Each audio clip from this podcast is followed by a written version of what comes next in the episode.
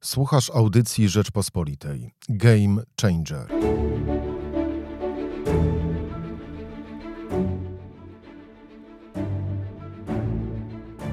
Jaka jest strategia lewicy? O co gra i jakich wyborców chce zdobyć? Dlaczego tak ważne było głosowanie nad Krajowym Planem y, Odbudowy? O tym wszystkim y, z posłanką lewicy Janną Szojrik-Wielgus. Na program zaprasza Michał Kolanko.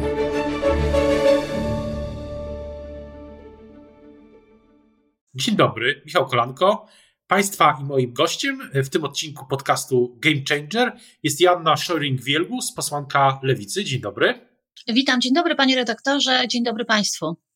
Chciałbym też dodać, że posłanka Lewicy, która zajmuje się sondażami, strategią i planami Lewicy na przyszłość, jeśli się nie mylę. Tak, między innymi jestem w grupie tych osób, które to koordynują e, wszystkie działania e, szeroko rozumianej lewicy, tej, która jest w parlamencie, czyli trzech partii, ale żeby było jasne, nie robię tego sama, e, robimy to w zespole, ja jestem osobą, która to koordynuje.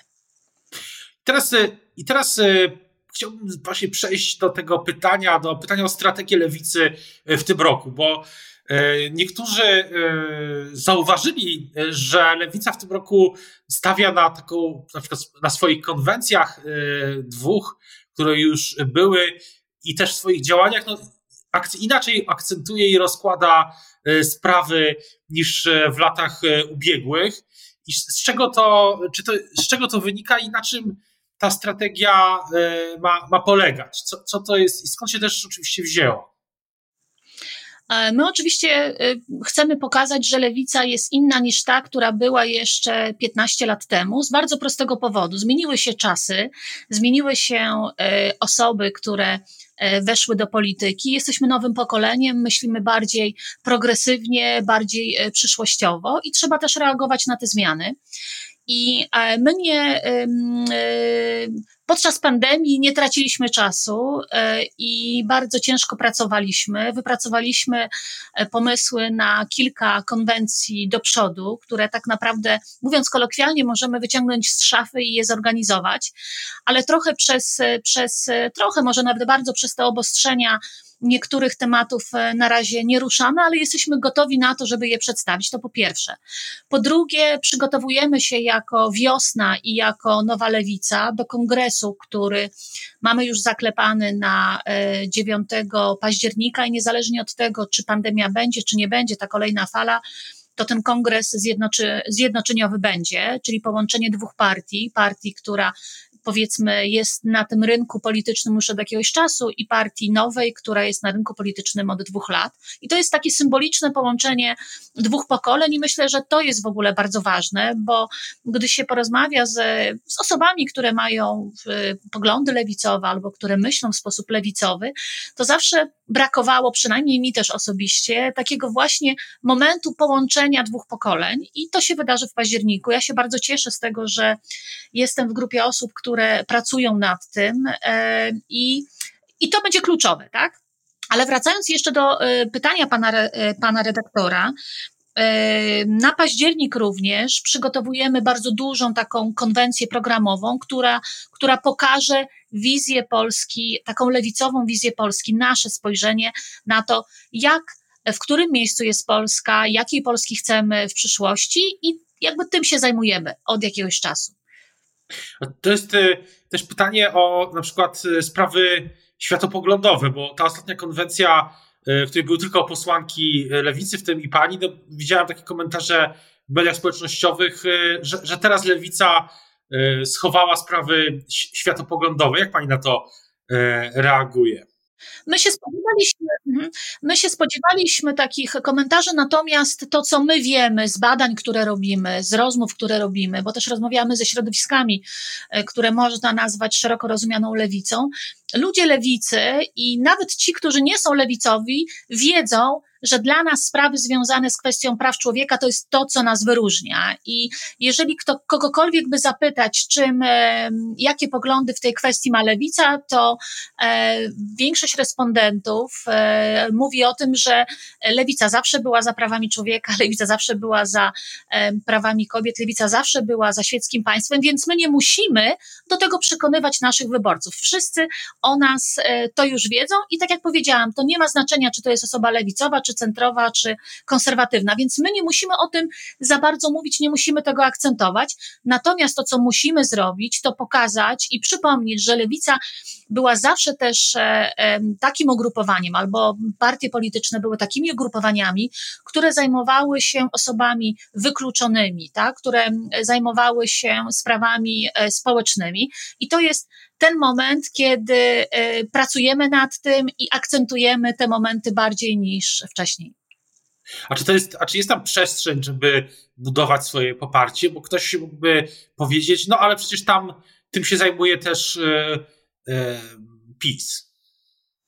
Oczywiście, że jest przestrzeń, dlatego że PiS popełnił jeden podstawowy błąd i popełnia go z roku na rok. On, e, PiS nie pokazał zmian systemowych, tak? tylko punktowo pewne rzeczy w sprawach e, społecznych robi, które nie są ze sobą jakby powiązane takim, e, nie są kręgosłupem, z którego coś wynika.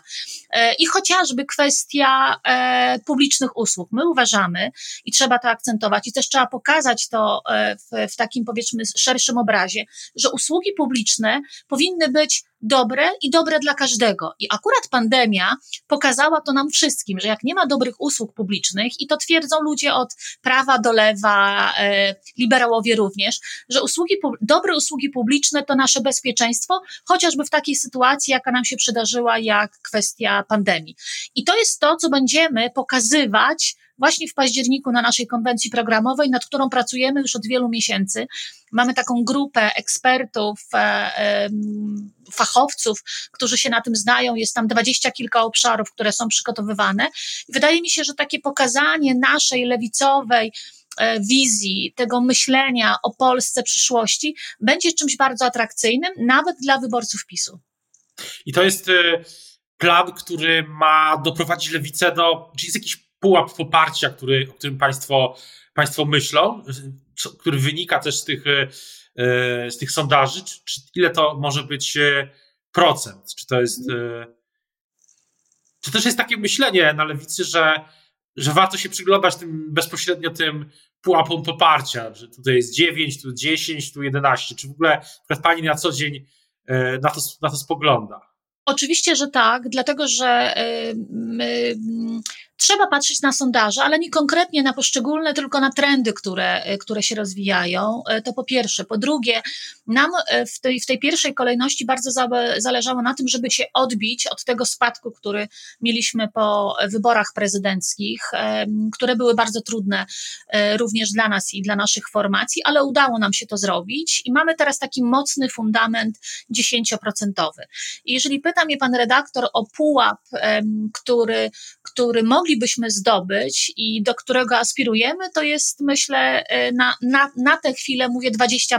Oczywiście trzeba nad tym mocno pracować, ale jest to do zrobienia, tak? To nie jest tak, że tego nie da się zrobić, dlatego że gdy spojrzymy na preferencje ludzi, na myślenie ludzi, na to, jak widzą świat w przyszłości, to widzą go lewicowo, chociaż tego tak nie nazywają, tak? Bardzo często w badaniach, które robiliśmy, okazywało się, że osoby albo środowiska, które, które wydawałoby się, że są powiedzmy centroliberalne, jednak myślą w kategoriach lewicowych i to trzeba im też przekazać, że, nasz, że ich reprezenta, reprezentantami takimi e, wiarygodnymi w swoich działaniach jest właśnie lewica i to będziemy robić przez najbliższe miesiące.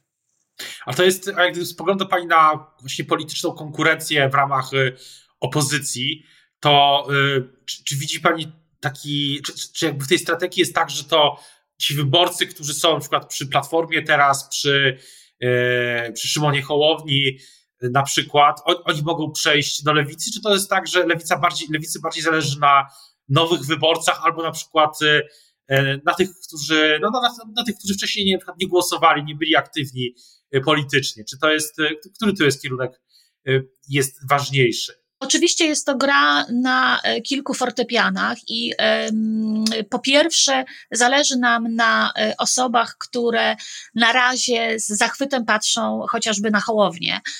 Naszym atutem jest to, że w kwestiach, o których stara się też mówić Hołownia, jesteśmy wiarygodni. Mówię na przykład o prawach człowieka czy o świeckości państwa. Tak? Hołownia mówi o tym, ale mówi bardzo zachowawczo, a my mówimy konkretami, ustawami i działaniami. To jest jedna rzecz.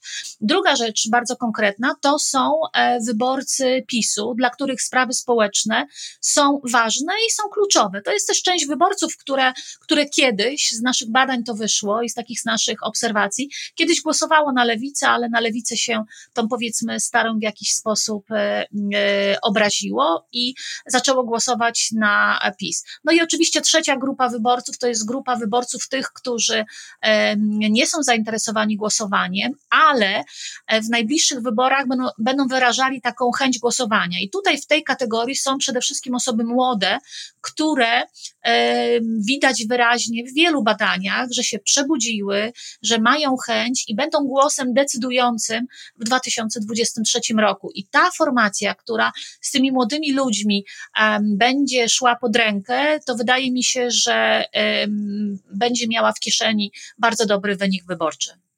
No, Zostańmy na chwilę jeszcze przy tych wyborcach y, PiSu, bo tutaj kontrargument y, może być taki, że ci wyborcy, którzy są przy PiSie, po pierwsze e, są przy nim, bo e, widzą zmiany w swoim życiu, które PiS e, dokonuje przez ostatnie sześć lat, a po drugie nie będą chętniej, chętnie spoglądać na lewicę właśnie ze, ze względu na, na prawa człowieka, na ten, na to chyba też PiS e, liczy w tym, żeby, żeby tych wyborców nie stracić. E, jak pani na to e, spogląda? Bo to jest trudne, to jest trudne zadanie, tutaj, żeby tych mhm. wyborców pan, PiSu oderwać. Jest, tak, i tutaj jest oczywiście trudny ten temat, ale nie można z, z niego zrezygnować. Dla PiSu e, bardzo ważna jest rodzina, tylko że PiS, myśląc o rodzinie, myśli w sposób taki bardzo schematyczny i jednorodny. A my, jak myślimy o rodzinie, to myślimy o rodzinie e, w sposób zupełnie inny. I wydaje mi się, że jednak wyborcy i ludzie, jak się z nimi tak rozmawia po prostu na ulicy, mają podobne zdanie, tak? Oczywiście można straszyć, e, tak jak to robi e, Prawo i Sprawiedliwość, e, małżeństwami homoseksualnymi, można straszyć, nie wiem, jakąś ideologią, ale kiedy rozmawia się z ludźmi, tak twarzą w twarz, to okazuje się, że nie ma tej nienawiści i tej niechęci, tylko trzeba to ludziom przetłumaczyć. I dla nas, dla lewicy, bardzo ważne też będzie to, aby pokazać, że na rodzinę można patrzeć szeroko i inaczej. Trzeba pokazać, że to myślenie o rodzinie to nie jest tylko mama, tata i dzieci, ale rodziny, które mamy wokół nas, które żyją wokół nas, to jednak jest dosyć szersze myślenie. I jeżeli uda nam się w tej kwestii e, ludzi przekonać, to wydaje mi się, że e, będziemy mieli e, bonus w kieszeni w postaci wyborców.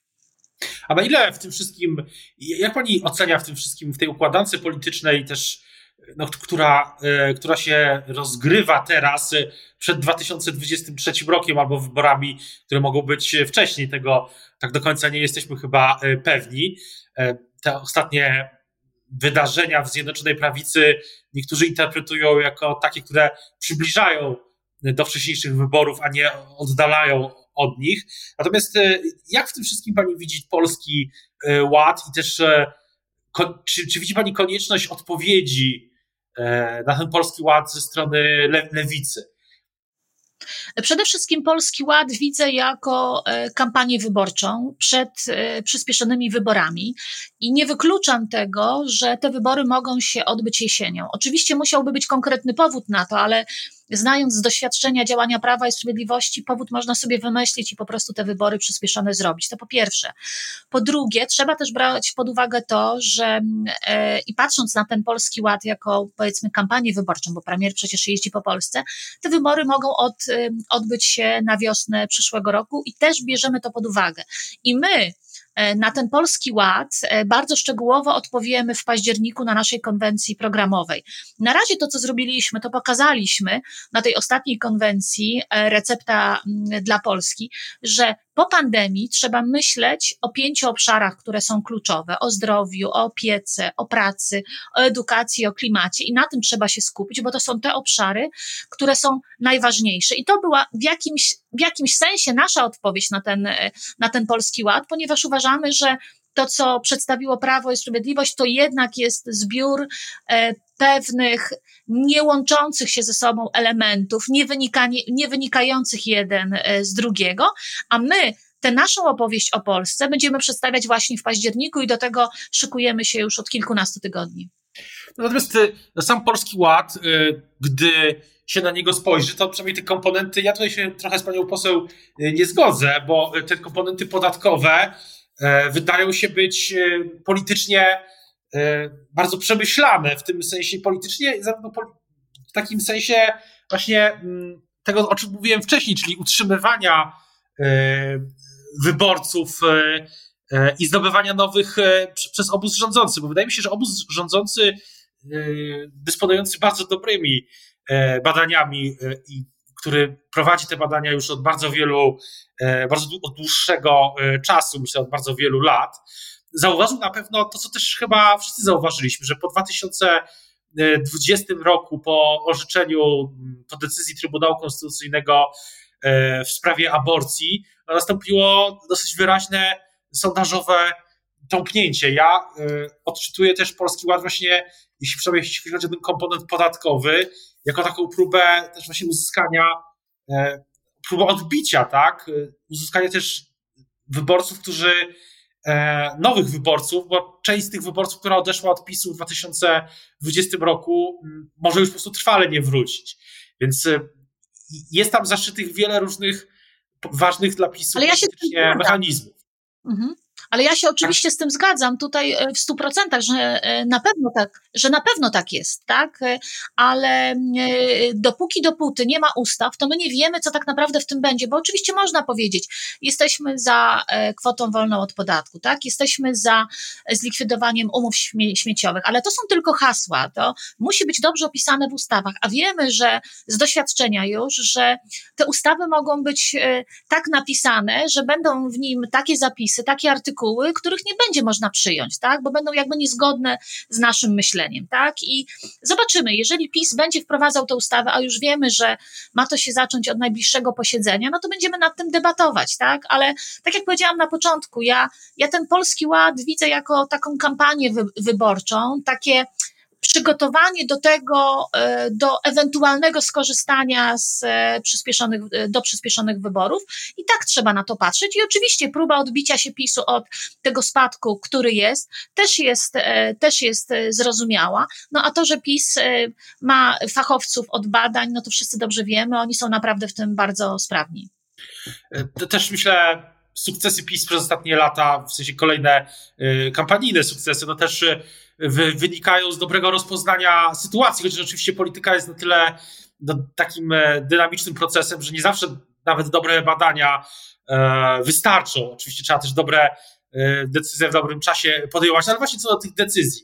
Bo tak się zastanawiam, rozmawialiśmy o tej strategii na, na przyszłość lewicy, ale na ile w tym wszystkim też właśnie game changerem i na ile ważna, wpisana w tą strategię była ta decyzja, żeby właśnie z PiSem rozmawiać o Krajowym Planie e, Odbudowy. Czy to było tak, że e, to się, to się z tym wszystkim e, łączy? Tak, tak, oczywiście, że się łączy. To nie było przypadkowe, to było przemyślane i rozdzielone na takty. Oczywiście, mając z tyłu głowy przeświadczenie, że jest to bardzo ryzykowna gra. Natomiast lewica musiała w którymś momencie um, stać się niezależnym bytem, tak? stać się e, partią, która, e, która nie jest e, przesuwana dowolnie przez Platformę Obywatelską, bo Platforma Obywatelska niestety traktuje wszystkich swoich konkurentów na opozycji jako swoich podwładnych, tak? I trzeba było wymyślić moment, żeby się od tej platformy w jakiś sposób oddzielić swoim działaniem i E, wiedzieliśmy, że to będzie ryzykowna gra, wiedzieliśmy, że, powin, że na pewno się jakby będzie cała, nie wiem, fala hejtu, e, niedobrych opinii, ale to był najlepszy moment, żeby to pokazać, dlatego że teraz mamy już to za sobą. E, nie straciliśmy tyle, ile myśleliśmy, że możemy stracić. Większość Właśnie, naszych wyborców. Wejdę pani w słowo, tak. że, że jak rozumiem, to, o czym pani mówi, tej ryzyk, tym ryzyku, to było też to ryzyko, które e, dotyczyło krótkoterminowego e, spadków w, sąd, w sondażach, a przede wszystkim tego, że no, myślę, że, że łatwo to zauważyć też, że e, lewica na pewno nie zyskała jakoś tak poza ten próg 10%, który, który teraz ma. Przynajmniej, na, przynajmniej to jest efekt tych ostatnich tygodni. Zobaczymy, co będzie, co będzie dalej. Więc jak rozumiem, Państwo się z tym liczyli.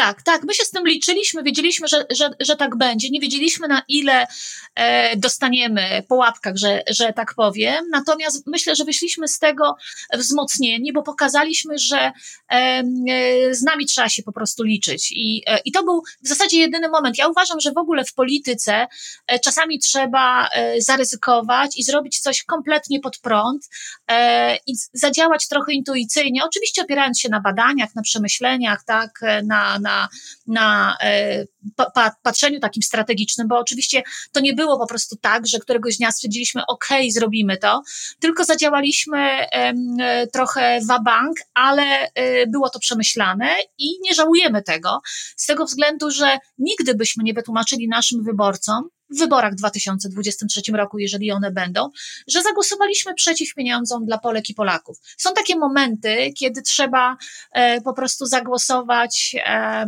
e, usiąść po prostu do, do, do, do stołu z szulerem, tak? I, I spróbować wynegocjować coś, co się nam opłaci. I uważam, że to się nam e, opłaciło, aczkolwiek nie było to łatwe i ja osobiście najbardziej, najbardziej obawiałam się, że, że, że, że my jako politycy i polityczki lewicy nie przetrzymamy mamy tego hejtu, który był w nas wymierzony, ale udało nam się i tak byliśmy jednością, co, co myślę, że też dla wielu było zaskoczeniem. Na koniec jeszcze chciałbym dopytać o ten Polski Ład, w tym sensie, że e, no widać, że porozumienie Jarosława Gowina to w chwili, gdy rozmawiamy, e, zapowiada szerokie konsultacje, czy one się częściowo zaczęły już rozpoczęły, jeśli chodzi o przedsiębiorców i nie tylko. No widać, że tam są e, pewnego rodzaju napięcia. E, I pytanie jest, co, co wtedy, co przy głosowaniach tych ustaw z Polskiego Ładu, bo e, wydaje się, że PiS też e, zastawia taką pułapkę na opozycję tym Polskim Ładem, że trudno jest poprzeć takie popularne pomysły, a z drugiej strony wtedy się już opozycja nie, nie odróżnia.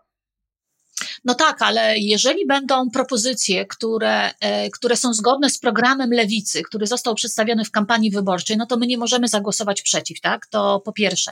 Po drugie, część propozycji, o których powiedział PiS, chociażby jak umowy śmieciowe, czy kwota wolna od podatku, czy wzrost e, pieniędzy na służbę zdrowia, to my mamy w ustawach, które złożyliśmy e, kilka miesięcy temu. Te, te ustawy leżą w Sejmie i wystarczy nadać im numer druku i je przegłosować, więc to, co będzie korzystne i to, co będzie dobre, no to z naszej strony dostanie poparcie. To, co nie będzie korzystne i nie będzie dobre, będziemy krytykować, nie będziemy za tym głosować. Yy, I to jest, myślę, racjonalne takie myślenie. Tak? Ja, wydaje mi się, że ludzie mają naprawdę podziurki w nosie tej permanentnej kłótni e, politycznej. Mają dosyć polityków, takiej politycznej nawalanki w telewizorach, w radio, e, czy w Sejmie. Na Twitterze, e, Twitterze też to na, Twitter to jest w ogóle tak, Twitter jest taką w ogóle osobną bańką, ale ludzie też doskonale wiedzą już po tych sześciu latach, że opozycja e, jest antypisowska i my nie musimy już udowadniać nikomu z tej naszej, powiedzmy, de, prodemokratycznej strony, że my jesteśmy antypisowscy, bo oni o tym wiedzą. My natomiast to, co musimy pokazać, to musimy pokazać naszą wizję Polski, inną niż ta, która przedstawia Prawo i Sprawiedliwość. I oczywiście to jest trudne, ale trzeba to zrobić, dlatego my Czas pandemii wykorzystaliśmy na badania, na rozmowy, na ekspertyzy.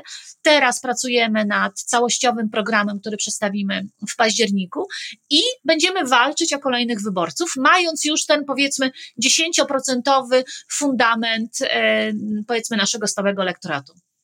O tych e, wszystkich e, wydarzeniach, tak samo jak o realizacji czy czy o tym, co się wydarzy z Polskim Ładem w Sejmie. Na pewno będziemy jeszcze wielokrotnie mówić, tak jak o, o tym, co dzieje się po stronie mm, lewicowej.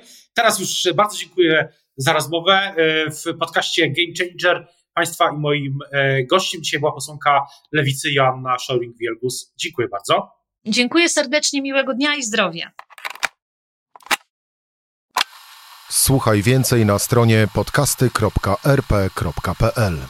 Szukaj Rzeczpospolita Audycje w serwisach streamingowych.